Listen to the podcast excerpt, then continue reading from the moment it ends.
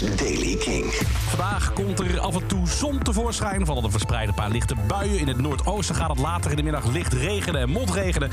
En het wordt zo'n 7 graden ongeveer vandaag. In Limburg wordt het een graad of 5. Dit is de Daily Kink, die van vrijdag 21 januari met nieuws over Smile, Miles Kane en nieuws over Eurosonic.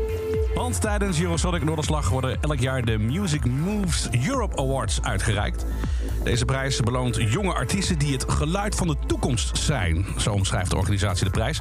Internationale jury koos uit de 15 genomineerden in totaal vijf winnaars... met Mesker Mees als winnaar van hun prestigieuze Jury Award. Een prijs als teken om Mees zeker in de gaten te houden als artiest de komende jaren. En dat op internationaal vlak. En daar komt ze onder andere in het rijtje te staan van Adele, Damien Rice en Stromae. Gisteren sprak Jasper Leiders in Kink Touch met Mesker Mees net na de uitreiking. Ik zou heel graag een tweede album maken en daar dan misschien net iets minder zuinig mee zijn of zo.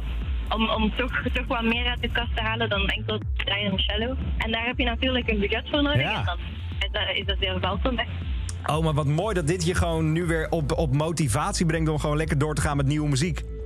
Ja, want het is niet altijd makkelijk geweest. En ik denk dat dat voor andere artiesten ook wel zo is. Ehm, ja, iedereen heeft het moeilijk in de tijden van de pandemie, maar ehm, ik denk dat voor muzikanten en theatermakers en, en dansers en mensen die echt nodig, een publiek nodig hebben, toch wel extra moeilijk. Ja, eh, voor deze prijs gaat de Mees dus, eh, of dankzij deze prijs eh, beter gezegd, gaat de Mees dus eh, flink aan de slag voor een, een, een grootser album.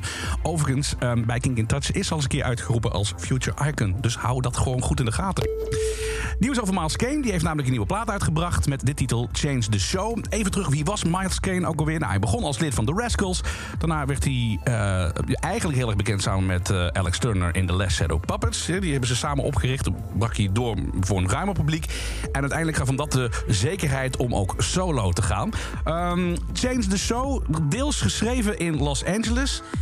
Met invloeden van onder andere Elton John en ook zeker David Bowie. Dit klinkt eigenlijk een intro een beetje als Young Americans. Luister maar.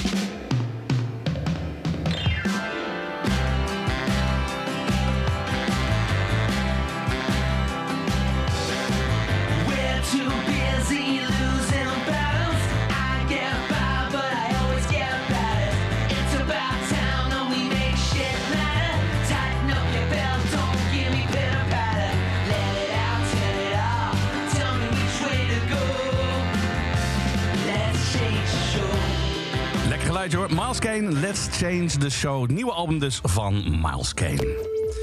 En Tom York en Johnny Greenwood van Radiohead... die gaan met hun nieuwe band The Smile het podium op. Op 29 en 30 januari spelen ze drie concerten in Londen. Die worden ook live uitgezonden via een livestream.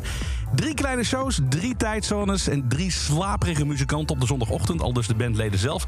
De livestream show wordt geregisseerd door Paul Dugdale. Die is gespecialiseerd in het vastleggen van concerten, festivals en evenementen. Denk aan Glastonbury, Primavera, de MTV Video Music Awards.